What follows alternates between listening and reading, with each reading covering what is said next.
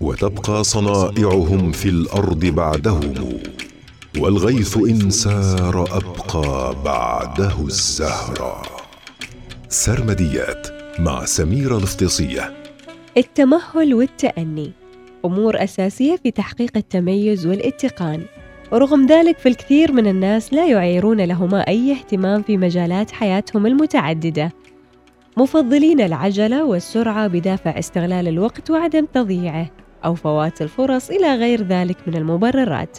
فالتأني يعطي الإنسان فرصة التفكير في الأمور ووزنها بميزان دقيق على مهل وتبصر وتقدير ما يترتب على عمله من أثر عن رؤية وتدبر كي لا يقع في مأزق محرج لا يستطيع التخلص منه أو يستطيع ولكن بجهد ومشقة.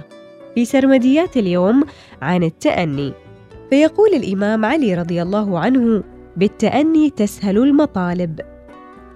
وكلنا نعرف المثل العربي الذي يقول في التأني السلامة وفي العجلة الندامة وهناك مثل آخر يقول من ركب العجلة أدركه الزلل ويقول الشيرازي على النابل أن يتأنى فالسهم متى انطلق لا يعود ويقول الشاعر القروي إذا رمت أمرا فلا تعجلا وإلا ندمت على فعله فما عثرة المرء قتالة إذا كان يمشي على مهله.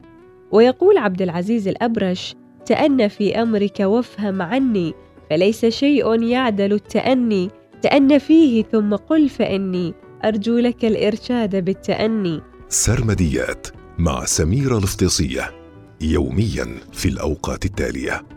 العاشرة وخمسة وعشرين دقيقة الخامسة وعشرين دقيقة الواحدة وأربعين دقيقة.